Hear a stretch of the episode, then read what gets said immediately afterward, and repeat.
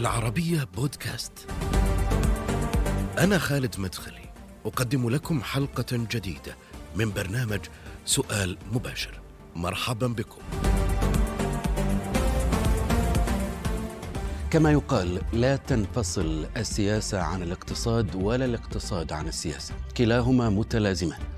فما يحدث في أوكرانيا سينعكس على بقية دول العالم وفي كل المجالات بشكل أو باخر لكن كيف سيكون التأثير في منطقتنا؟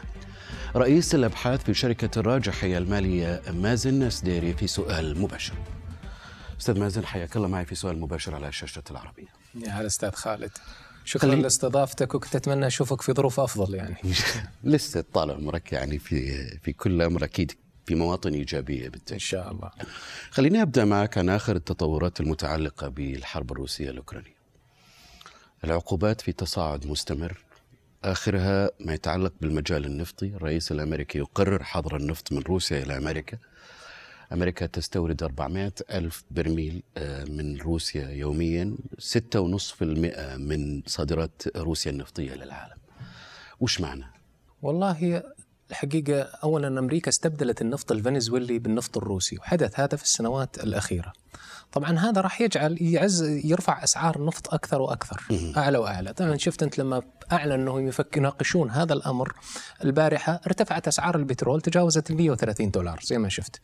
المشكلة انه إحنا الآن عندنا مشكلة ثانية. يعني حسب تقديرات SG SGH إنه إنه أرقام أسعار البترول في السعر الحالي وصلت يعني السعر الحالي كان 90 دولار آسف قبل لا توصل كانت تشكل 4% من دخل الفرد البترول أكثر من 55% من استهلاكه يروح أفراد بحكم إنه مواصلات. يعني مثلا الفحم يروح للشركات لأنه يذهب لإنتاج الكهرباء. لكن لا البترول يروح للافراد من دخل العائلة. يعني كل ما يرتفع يأثر على دخل العائلة. فهو يشكل الآن ممكن يصير يشكل على دخلها ما يتجاوز 8 أو 9% معناته القوة الشرائية في المجتمعات ممكن أنها تنخفض لدى الأسر حول العالم. هذا راح يضعف قدرة البنوك المركزية أنها ترفع أسعار الفائدة ويعيد النظر. إذا اجتمع الشيئين غالبا يعني إذا اجتمع السيناريوهين ارتفاع أسعار الفائدة مع ارتفاع أسعار البترول ممكن يؤدي لازمه كساد. هذا الآن التحدي. لذلك قرار البيت الأبيض هو السياسي السيادي لكن يبقى المركزي ننتظر كيف يفكر وكيف يتعاطى مع الموضوع كيف ينظم في وضع التضخم كما تعلم قبل الأحداث أصلا كان 7% فما بالك بعد الأحداث؟ غير إنه أصلا أزمة التضخم الموجودة أستاذ خالد لم يكن سببها قوة الطلب الحقيقة، كان سببها قلة العرض معروض، قلة المعروض النفطي، قلة المعروض من المعادن، من المزروعات، فهذه أدت آه، وأيضا وسائل النقل، النقل اللوجستي كان فيها مشاكل من سبه قلة المعروض أيضا وسائل النقل، فهذه راح تزيد التضخم العالمي ممكن تدفعنا لأزمة كساد لا قدر الله، هذا أصبح احتمال وارد الآن محتمل. فهذا بالنسبة للجزء الاقتصادي، بالنسبة نتكلم عن صناعة البترول نفسها، اسعار البترول راح طبعا تدخل إلى مستوى مرتفع عالي جدا.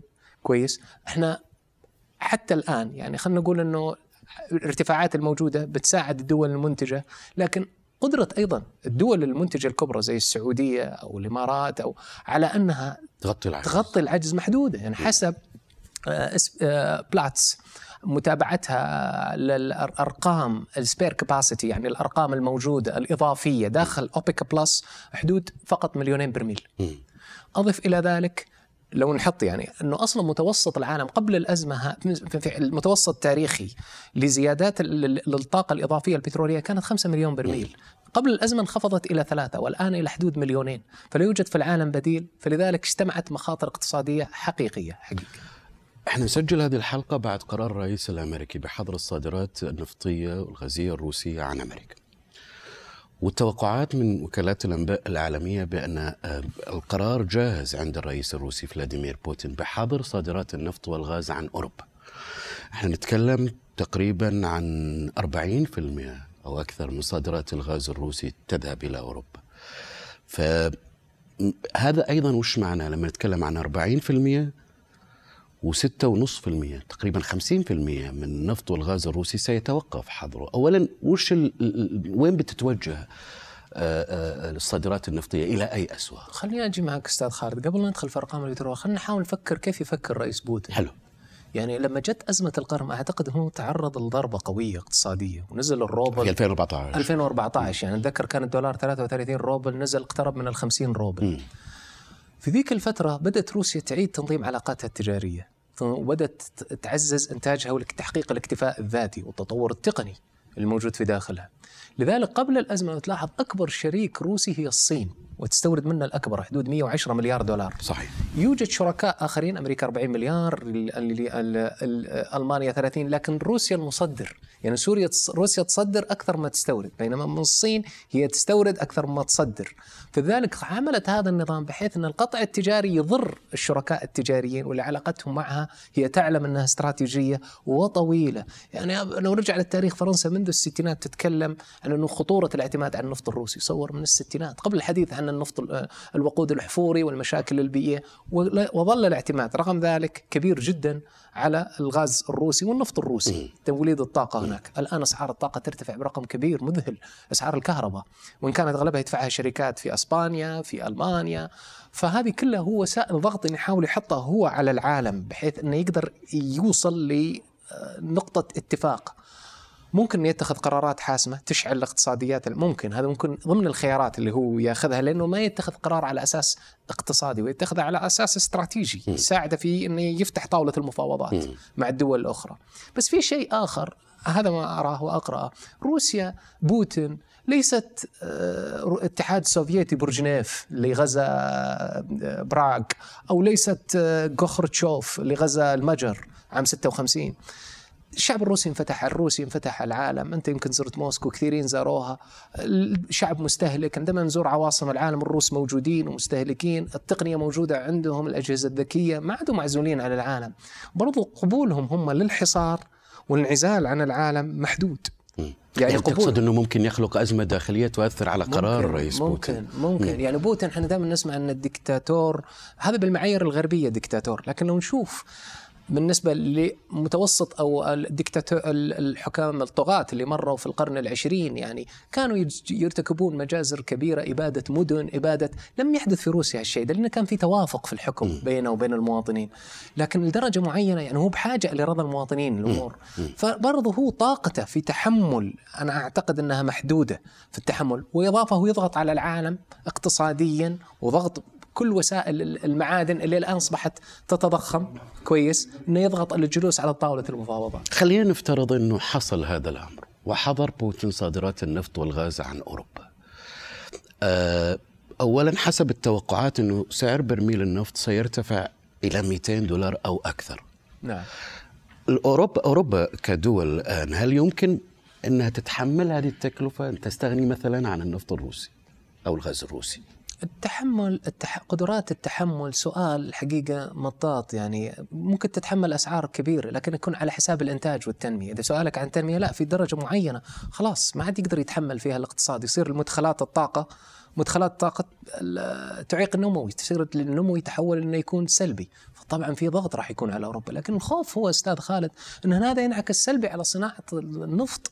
يعني إنه يقلص عمره. إنه يجعل البديل الطاقة المتجددة مجدي أكثر. يعني وسط أسعار طاقة عالية هذه ممكن يجعل البديل مجدي أكثر مستقبلا. ممكن يصنع أنا ماني خايف من يعني خلينا نقول لك الجزء المؤقت لكنه يصنع خوف الشعوب الأوروبية أكثر عقدة. يخليها تحرص على إنها تسرع في عملية انتقال الطاقة ومحاربه الطاقة المتجددة. المشكلة عندنا مشكلة ثقافية في المجتمعات الأوروبية اللي كانت غير من غير واقعية في محاربتها للوقود الحفوري. وسببت أزمة طاقة. تعرف الريستريكشنز والمحاظير على الاستثمار على الطاقة الحفورية.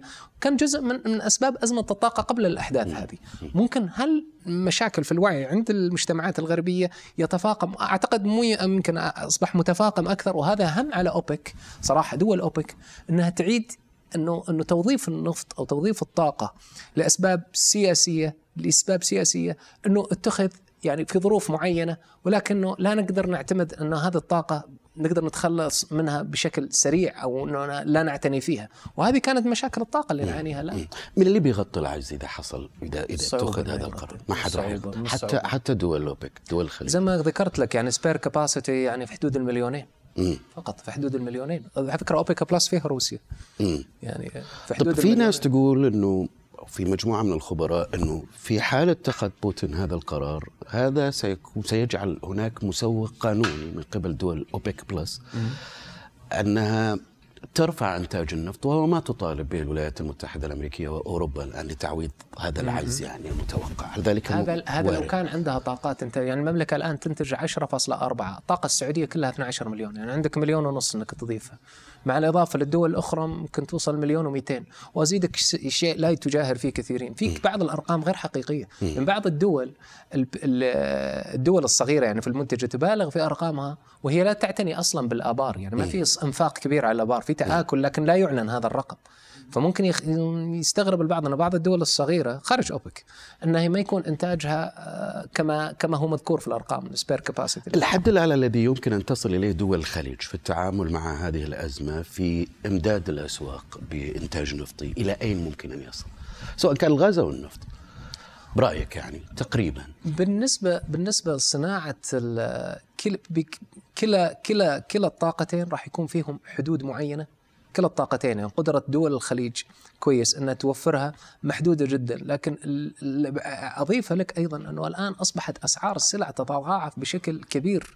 يعني مثلا أسعار النيكل كيف ارتفعت 100% 100 طيب ألف للطن تقريبا. تضاعف السعر 100% يومين. السبب هو أنه أصبحت الآن الأموال تتجه من الأسواق واضح أنها تتجه من أسواق المال إلى أسعار السلع أنها ترفعها.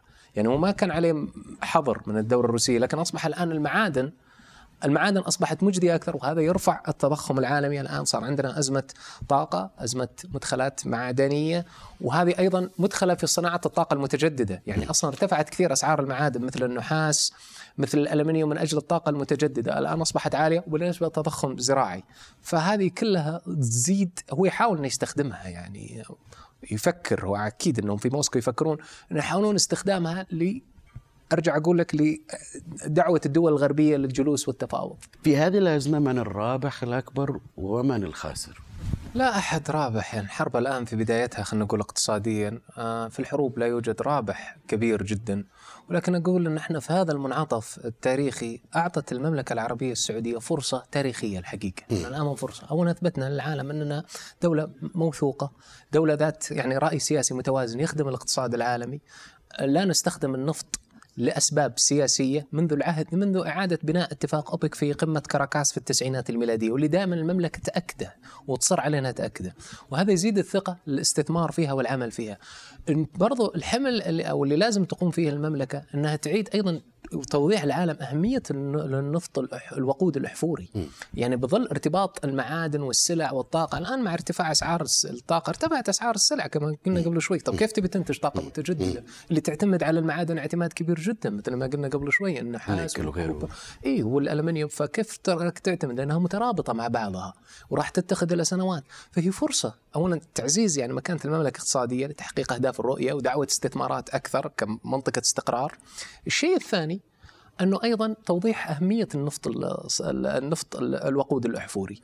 لكن من الرابح حتى الآن لا يوضح يعني لا أستطيع أن أقول في أحد رابح. كل يرى الربح على حساباته. الغرب يخسر اقتصاديا ويعتقد أنه يتمدد سياسيا.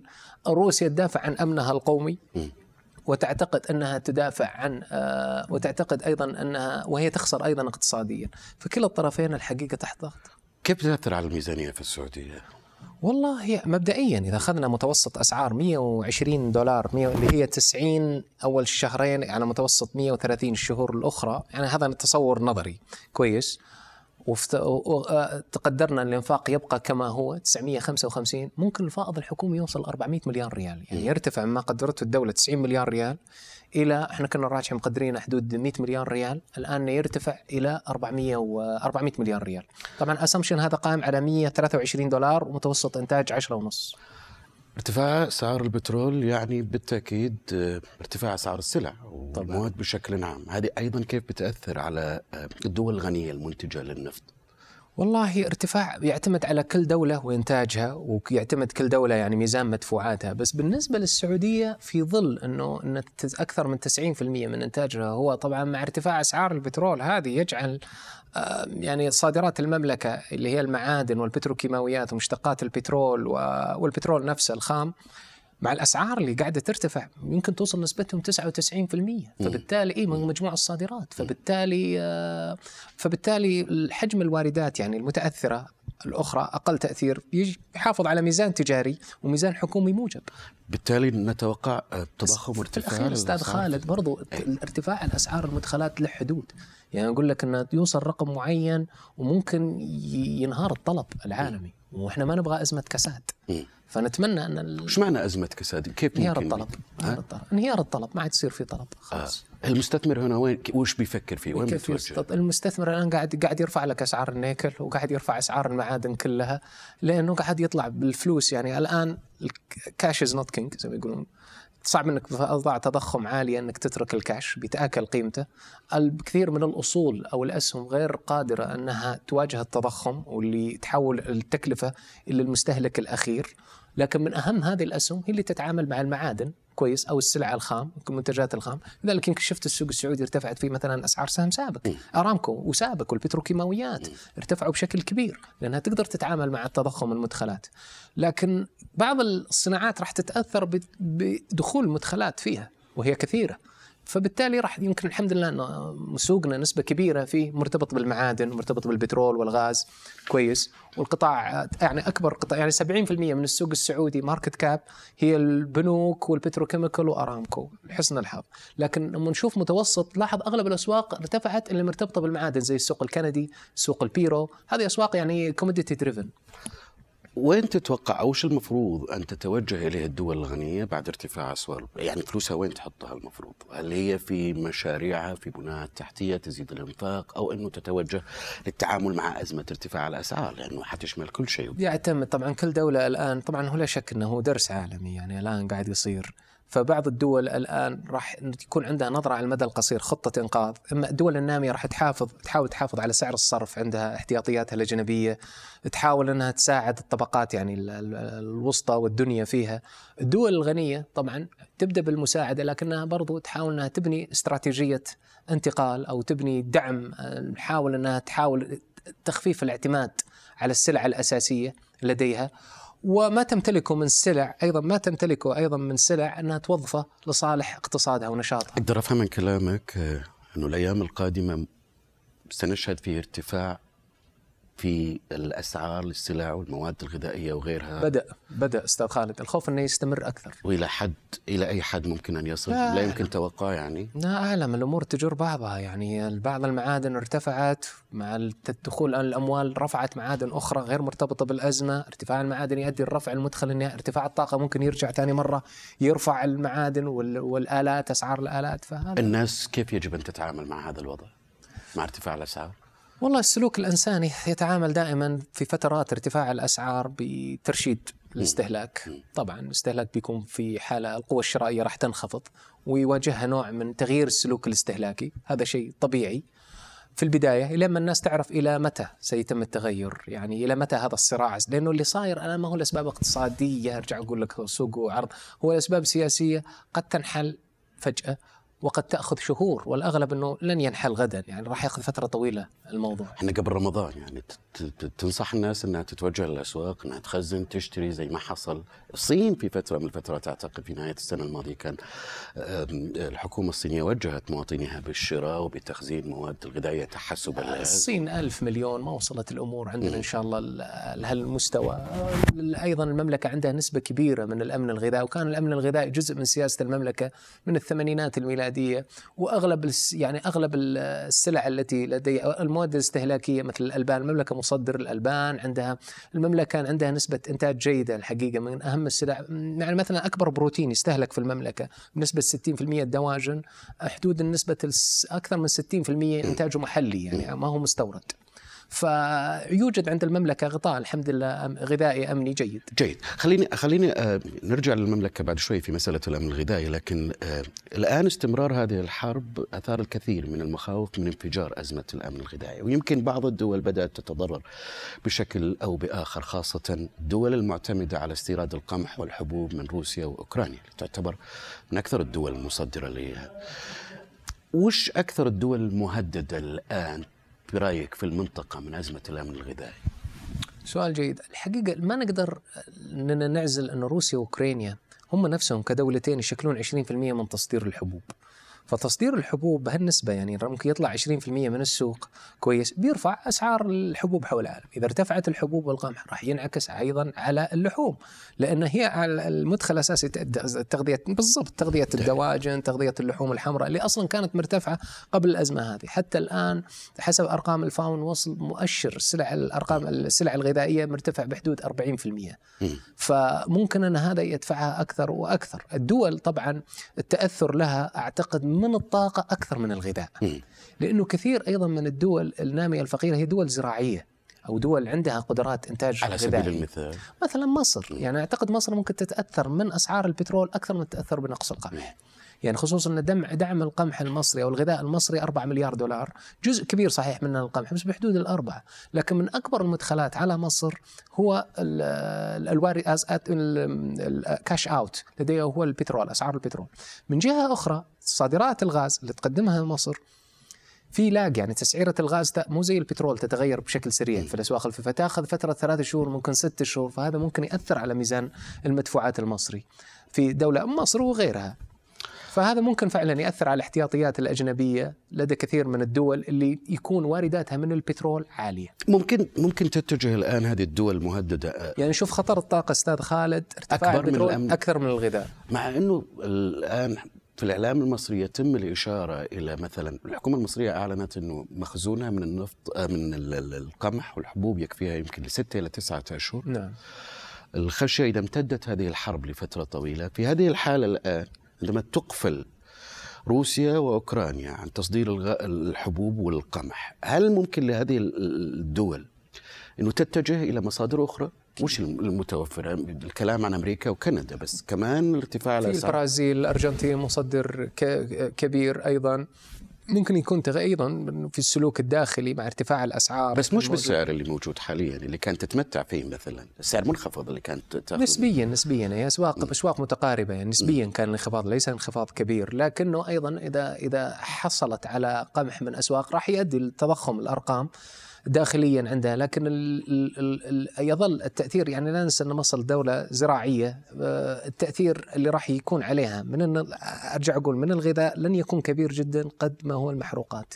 يعني دائما كان ارتفاع المحروقات العالي سلبي على الاقتصاد المصري عبر التاريخ يعني لو نرجع للسنوات الماضية كان أعلى من من خصوصا إن مصر عدلت تسعيرة الطاقة. يعني لم تعد تتحمل الدولة جزء كبير. كان من ضمن الإصلاحات اللي قامت فيها مصر في عام 2016 إنه الدعم اللي يروح للمحروقات. ولكن أيضا من السعر العالمي السعر المحلي في فترة لاج يعني ياخذون متوسط الأسعار في آخر ثلاثة أشهر.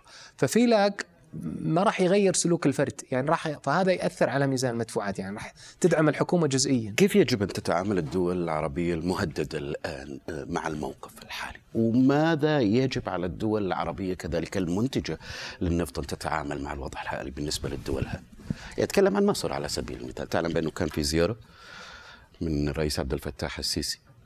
ويمكن هذه الملفات من أهم المواضيع المطروحة للنقاش مع الملك سلمان وكذلك مع ولي العهد. والله طبعا السعودية ومصر أهم دولتين في المنطقة. ويهم دائما المملكة مكانة مصر والتاريخ يثبت هالشيء يعني. علاقة السعودية الأحداث تذكر أنت 2013 ووقوف المملكة بجوار الشعب المصري. وأحداث كثيرة، العالم يهمه استقرار هذول الدولتين، والدولتين صديقتين للولايات المتحدة ولروسيا، فطبعا المملكة راح تكون دائما تسعى على استقرار مصر، طبعا الاحتياطي النقدي الأجنبي المصري في حدود 42 مليار دولار. كويس. لابد والمملكة لها تاريخ في التعاون ودعم البنوك المركزية للدول العربية ودائما كان أكبر مصدر معروف للدولار للدول العربية كان هو البترول يعني سواء دول منتجة بشكل مباشر أو غير مباشر.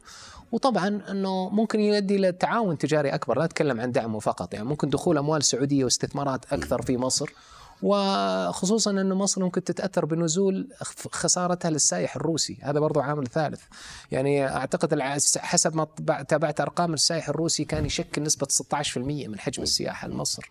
سريعا لا خوف على السعودية في مسألة الأمن الغذائي؟ الآن المملكة زي ما قلت لك فرصة تاريخية لها أهميتها كدولة موثوقة وكمركز مهم. يعني هي محل عناية العالم كله يحرص ما تتوقف الإمدادات والإنتاج وهذه فرصة أن المملكة تركز أيضا أن الاستثمارات والثقة فيها ل- لاستثمارات وشراكات أكبر في قطاعات أخرى. هل من تأثير على رؤية 2030 هذا يدعم بش... هذه فرصة أقول لك الفرصة تدعم توجهات الرؤية وممكن تسرع خطواتها بشراكات أكثر. تصوراتك ب- خصوصا بوافر الدخل المادي اللي راح يجي توقعاتك الأزمة إذا ما طال أمدها أكثر مما هو عليه حاليا. اليوم اليوم العالم كله متأثر اقتصاديا. نعم، نعم. إذا طال أمدها بشكل أكبر إذا است- شهرين ثلاثة ستة سنة أو غيرها. السؤال عند الشعب الروسي والأمريكي كم يتحمل الشعب الروسي يقف مع بوتين وسط الأزمة؟ وكم الشعب الأمريكي يقدر يتحمل وراء بايدن هذه الأزمة؟ هل يمكن كلا كلاهما كلاهما يعني إذا شعوبة ضغطت عليه سيذعن, سيذعن. اليوم الكلام سياسيا عن صراع حرب باردة جديدة وصراع معسكري. والسؤال يطرح. سنوات الحرب الباردة أستاذ خالد صاحبها نمو اقتصادي أمريكي الستينات نيكسون والثمانينات ريغان كلها كانت سنوات طفرة ونهضة سؤالي عن الشركاء والحلفاء في هذه الحالة هل يمكن أن يبقوا على الحياد ولا صعب والله اتحاد روسيا ما هي دولة قومية مؤدلجة. يعني زي الاتحاد السوفيتي لازم تاخذ أحد الخيارين. هي دولة قومية لها قرارها اتخذته. فبالتالي ما يوجد شيء رابط أيديولوجي روابط تجارية وكل ما تأثر للأسف. وأرجع أقول لك الجواب لدى الشعبين. شكرا جزيلا لك رئيس الأبحاث في شركة الراجح المالية مازن يا. نهاية هذه الحلقة من سؤال المباشر دائما يمكنكم متابعتنا على تويتر فيسبوك يوتيوب. إلى اللقاء.